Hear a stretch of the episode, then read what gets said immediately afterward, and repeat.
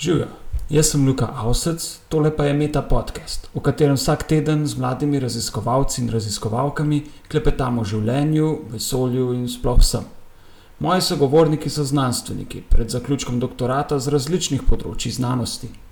Meta podcast domuje na spletišču metina.lista.si, kjer lahko komentirate, dajete predloge ali podprete naše delo. Sledite nam na Facebooku Metine liste ali na Twitterju hashtag MetaPodcast. Danes je z mano Irena Makivič, univerzitetna diplomirana sociologinja. Irena Živja. Živijo. Dobila so se tukaj na medicinski fakulteti, na katedri za družinsko medicino. Kako si sociologinja pristala na medicinski fakulteti? Ja, očitno me je kar usoda gnala, sem, da tako rečem. Čeprav če sem čisto iskrena, je to področje, ki me je od vedno zanimalo. Zdravje, preventiva so vedno bili in verjetno vedno bojo del mojega življenja. Tako da mi je zelo všeč, da sem se tukaj znašla kot sociologinja, ki lahko na eni strani povezujem en družboslovni in drug naravoslovni breg. Eh, tukaj si mlada raziskovalka, eh, lahko malo pišeš eh, vašo skupino, kdo je tvoj mentor. Uhum, sem mlada raziskovalka pod mentorstvom dr. Janka Kersnika, družinskega zdravnika. V naši raziskovalni skupini je več raziskovalcev, vključeni so tudi drugi zdravniki, asistenti, tudi psihologi. Uh, sodelujemo v različnih raziskavah, v mednarodnih raziskavah, v nekaterih raziskavah, kjer sodeluje tudi Nacionalni inštitut za javno zdravje, v drugih medicinskih raziskavah. Tako da je naše v bistvu, področje raziskovanja precej široko, kljub temu, da je usmerjeno na družinsko medicino. Nam lahko na kratko samo opišeš, kaj pa je tema tvojega raziskovanja?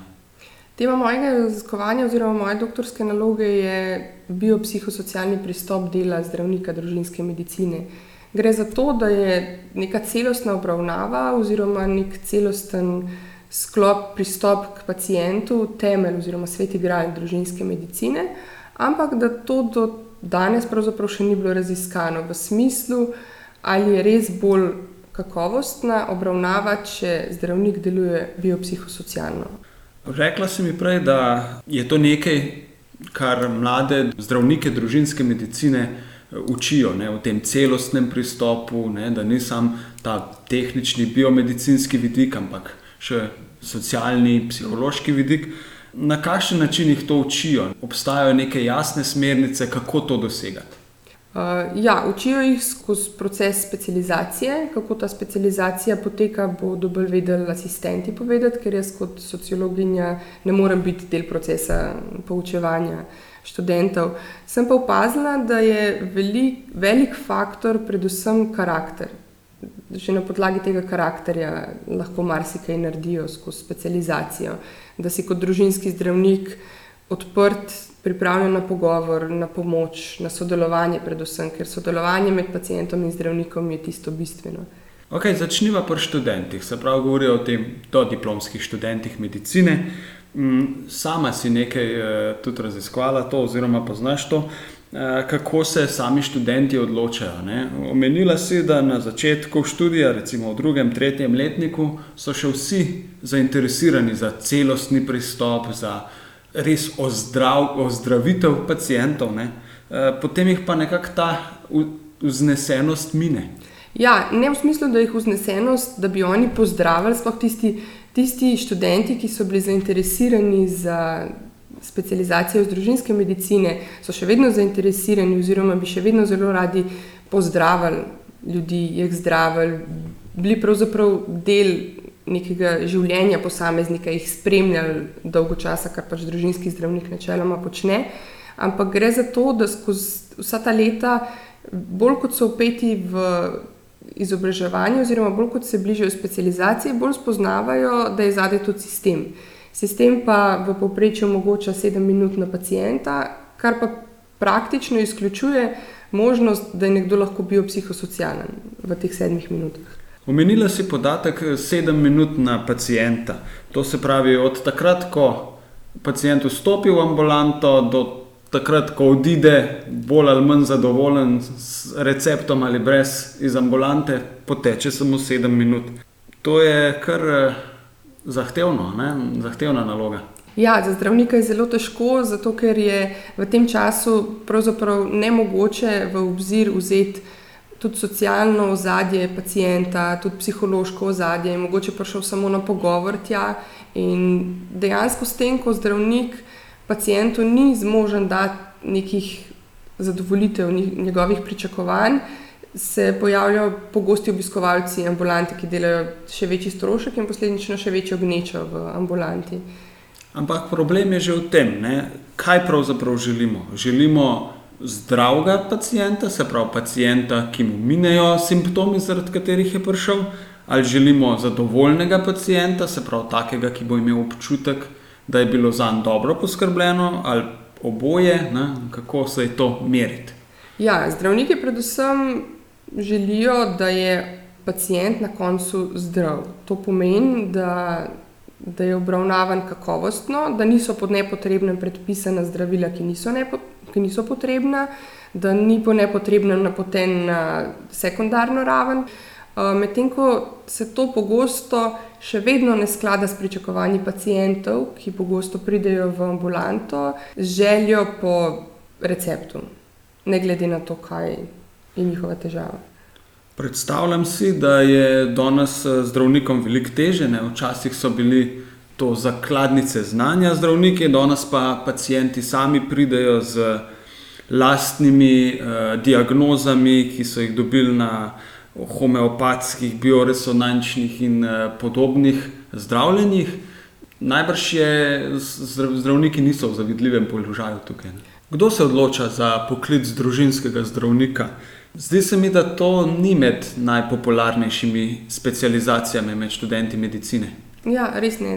Upravljala sem raziskavo, ki jo še sicer nisem napisala, ampak narejene so bile fokusne skupine študenti medicine in izkazali se je, da so velike razlike med tistimi, ki želijo postati družinski zdravniki, in med tistimi, ki želijo izbrati katero drugo specializacijo, kakšni kirurgi.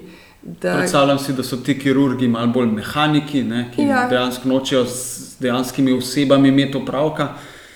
Za družinske zdravnike pa je ta socialni, psihosocialni čut kar pomemben. Ja, zelo. Predvsem jim je, jih vod, vsaj na začetku, jih vodi želja po tem, da bi zdravili, da bi vzdravili, da bi sodelovali pri, pri pacijentovem zdravju.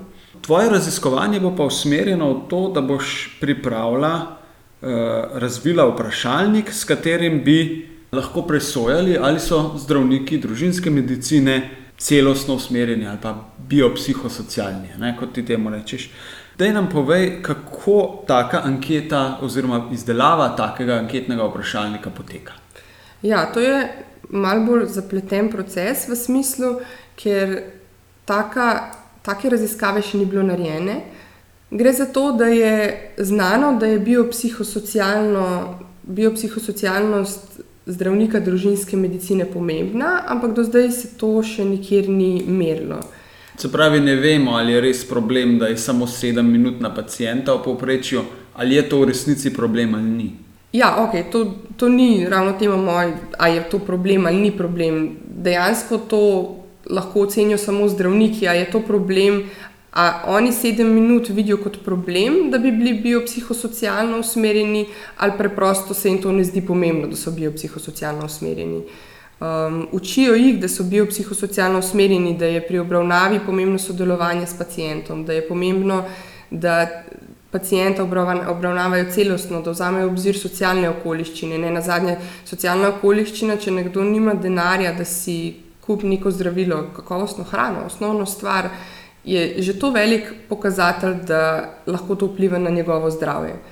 In to je tisto, kar boš pravzaprav preverjala na koncu s tem vprašalnikom. Ja, ne? s tem vprašalnikom želim preveriti, ali so zdravniki biopsihosocialno usmerjeni ali so bolj biomedicinsko usmerjeni.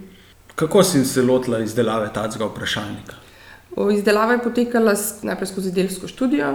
Uh, skozi delsko študijo, delska študija je v bistvu raziskava, ki poteka v večjih krogih.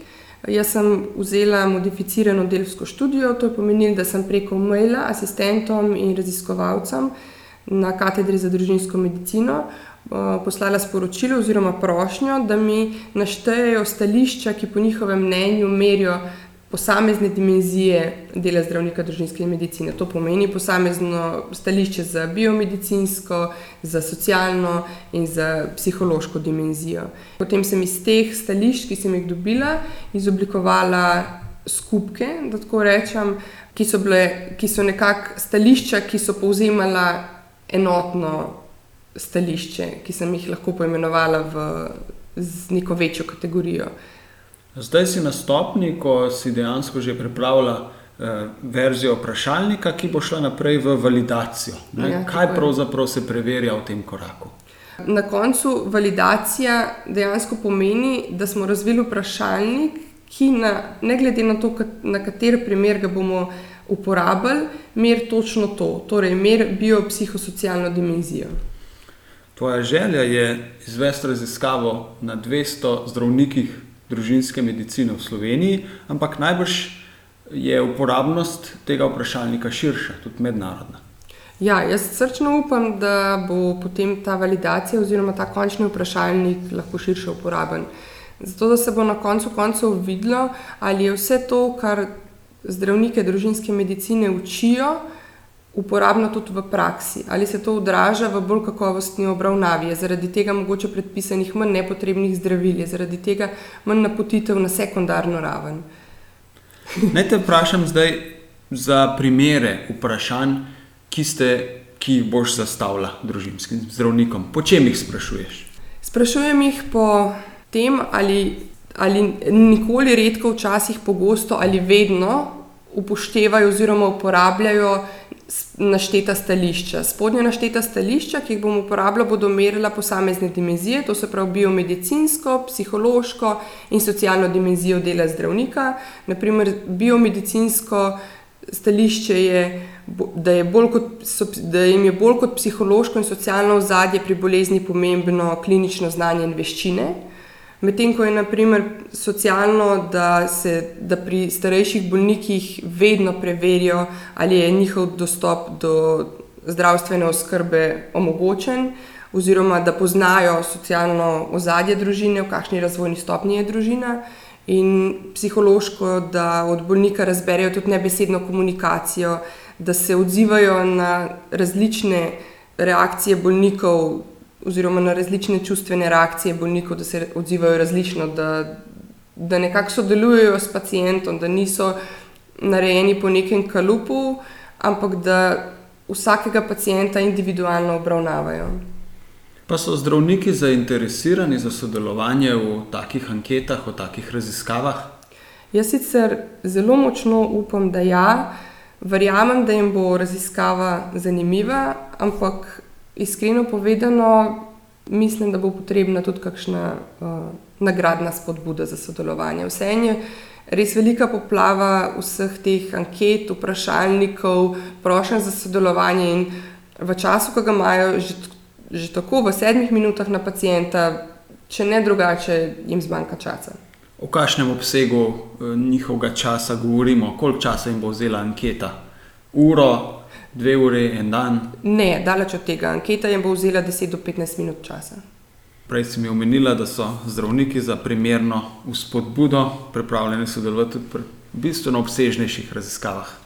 Ja, tako sem opazila med sodelovanjem pri različnih raziskavah. Ampak jaz verjamem, da jih bo moja raziskava zelo potegnila in zelo bo potrebno. Vzemite si to k srcu. Eh, sama si tudi uh, učiteljica joge. Si tudi napisala en dost eh, kompetenten pregled literature strokovne, ki obravnava jogo kot komplementaren sistem zdravljenja. Sama tudi praviš, da je joga komplementaren sistem zdravljenja. Ne? Se pravi, ne gre samo za neko sproščanje, ohranjanje zdravja, ki je ta zga, ampak ti bi govorila kar o zdravljenju. Ja, ampak komplementarno. To pomeni, da na prvem mestu se v jogo mora vključiti nekdo, ki ga to zanima, nekdo, ki je željan tega, da nekaj naredi za svoje zdravje, zase. In seveda, kot komplementarno, kot dopolnilna metoda, daleč od tega, da bi zaradi tega nekdo opustil uradno zdravljenje oziroma uradno medicino. Kako je s temi tudi ti nami oblik joge, ne? imamo takšne, drugačne, že z vožnjo po, z avtomobilom po Ljubljani vidiš eh, reklamne napise za mogoče ducat različnih šol. Kakšne so te razlike med tem? Ja, stilov je ogromno, učiteljev je še več kot ogromno. In pravzaprav je na, prvom, na prvem mestu posameznik, ki gre, ki se vključi, ki poskusi in ki sam na sebi vidi, da neka stvar deluje. Jaz sem poskusila različne stile, najdla sem se v enem, kar ne pomeni, tako kot vedno rečem, če ne jem mesa trenutno, ne pomeni, da ga ne bom jedla celo življenje. Če mi bo nekaj drugega pasal, bom to pač počela. In jaz mislim, da je najbolj bistveno, da nekdo najde na prvem mestu učitelja z izkušnjami, ki mu lahko zaupa, da ga bo vodil skozi jogo, kljub temu, da joga deluje včasih nekomu čira čara, ampak je treba vedeti vse en, kaj nekdo dela, predvsem v ključnih obdobjih življenja, predvsem pri starostnikih, pri ljudeh, ki imajo razne težave s križem, s koleni, pri nosečencah, ker je obravnava povsem drugačna, ker mora biti še bolj poglobljeno obravnavan posameznik. In potem, da najde stil, ki mu je všeč, predvsem stil, pri katerem bo ustrajal. Sama ugotavljaš, da slovenski študij o učinkovitosti joge ni. Predstavljaj si zdaj, da imaš eh, denar, da si v primerni poziciji, da lahko narediš eh, svojo študijo. Kako bi jo zasnovala, kje stvari bi preučevala? O tem sem že razmišljala, ampak je iskreno povedano težko, zato ker za moje pojme študija vseeno ne bi mogla biti relevantna, ker je toliko zunanjih faktorjev, ki vplivajo na to, da nekdo spremeni življenje, da se nekdo počuti boljše, da je težko reči, da je na to res vplivala yoga. Ampak če že, oziroma ko sem razmišljala, kako bi se tega lotila, je bila ideja, da bi v nekem podjetju izvajali ena skupina, ki bi izvajala jogo, druga skupina, ki bi izvajala pilates oziroma neko drugo vodeno vadbo. Problem je te kontrole, ne? izbrati dobro kontrolo. Ja, seveda, problem je kontrole, pa problem je kontrolirati ne samo drugo skupino, problem je kontrolirati tudi zunanje dejavnike, ki vplivajo na to. A je mogoče nekdo zato, ker je začel na jogo hoditi, spremenil prehrano, medtem ko pri pilatesu je ni in dejansko ni toliko vadba tista, ampak je potem prehrana tista ki spremlja. Katere stvari bi potem merila? Treba bi bilo nekaj meriti. Ne? Občutek zadovoljstva, krvni tlak, količino kortizola v krvi. Ja, mogoče stresni, stresni hormoni bi bili nedvomno pokazatelj. Glede na to, da je anketa, ne glede na to, kakšna je, predvsej subjektivna, bi verjetno pokazala samo to, ali je bil nekdo zadovoljen z samo vadbo, mogoče z učiteljem, mogoče s terminom, ne pa toliko s tem, da se zdaj zaradi tega res dobro počutim. Kot praviš, sama najpomembnejše je najti nekaj, v čemer uživaš, ne? v ja. čemer lahko tudi ustrajaš. Ja, predvsem to. Naj te za konec vprašam še par uh, standardnih vprašanj, ki jih zastavim vsakmu intervjuvancu, da te še malo spoznamo. Najprej, katere nam znane ali neznane osebe bi povabila k sebi na večerjo, če ne bi bilo nobenih omejitev. Ja, ok, povabila bi domov na večerjo Tanjo Ribič in Đurota. Zakaj? Ker sta mi zanimive, ker sta mi karizmatične. Uh, poznaš iz televizije, gledališča, tako kot mi ja, ostali? Ja, iz gledališča, ja, ne osebno, ampak če bi pa nekoga tujega, bi pa izbrala Johnnyja Deppa. Zakaj? Ker je lepka slika. Če bi podedovala 15 hektarjev zemlje, kaj bi z njo? Če odmislim to, da bi za 15 hektarov potrebovala še kaj drugega podedovati, če kakšen loto listek, bi se lotila nekega, ne bom rekla celostnega pristopa, ampak naredila bi kot neko kmetijo, na katero bi lahko prišli odvisniki, v narekovaju od sladkorja, od nezdrave prehrane, ki bi lahko en mesec ustrajali v zdravem okolju, v gibanju, v zdravi prehrani in bi na podlagi tega lahko spremenili oziroma dobili do, dobro odskočno desko za spremembo svojega lifestyla. Wow. Ker se mi to zdi najtežji korak, da narediš tisto prvo, prvi korak, ker je vsem zdrava hrana, neokusna, težavna zahtevna, toliko enih informacij in v poplavi vseh informacij je res težko najti tisto pravo, kaj je zdaj res. Je treba jesti super hrano, ali je tudi repa čisto ok. Ti misliš, da je repa tudi čisto ok? Ja, jaz mislim, da je repa tudi čisto ok. Ti je lažje izbrati najljubše živo bitje ali najljubše umetniško delo, pa naj bo literarno, glasbeno, eh, gledališko. Mm, kljub temu, da sama sicer rada slikam, da grem rada v gledališče pogledati sploh kakšen muzikal, bi nedvomno izbrala živo bitje. Sploh da bi živo bitje imela ob sebi. Kjer bitje bi to bilo? Kužek. Doma imam sicer kužka, pri mojih starših, no.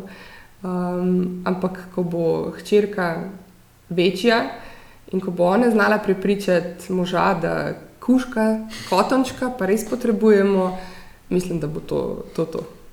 Kje se vidiš čez pet let, kje čez 40 let? Mm, čez pet let upam, da bom še vedno imela priložnost raziskovati na področju zdravja, na področju prehrane, gibanja. Čez 40 let pa upam, da bom vso to znanje, kar ga bom v vseh teh letih pridobila, dejansko lahko živela. Da bom lahko zgled, jaz in moja družina. Pri 70-ih torej odprla svojo jogo šolo, Ja, no, učvala do lahko že 120, prej. potem pa, Do potem pa 120. zaslužen pokoj. Ja, no, v pokoj bi lahko šla že prej. Nam lahko priporočiš kakšno knjigo, eh, film, igro iz zadnjih časov, kakšno najljubšo spletno stran, za katero moramo vsi vedeti? Ne, spletne strani nimam najljubše, uh, filme ne gledam na rajš, televizije nimam in knjige berem, tiste, ki mi jih uspe prebrati izven faksa, samo z področja joge in trenutno vzgoje, tako da mislim, da nisem ravno pravi naslov za ta nasvet. Okay. Eh, Si želiš več prostega časa, kot ga imaš zdaj? Ja, seveda, kdo si ga pa ne, ampak v resnici ne.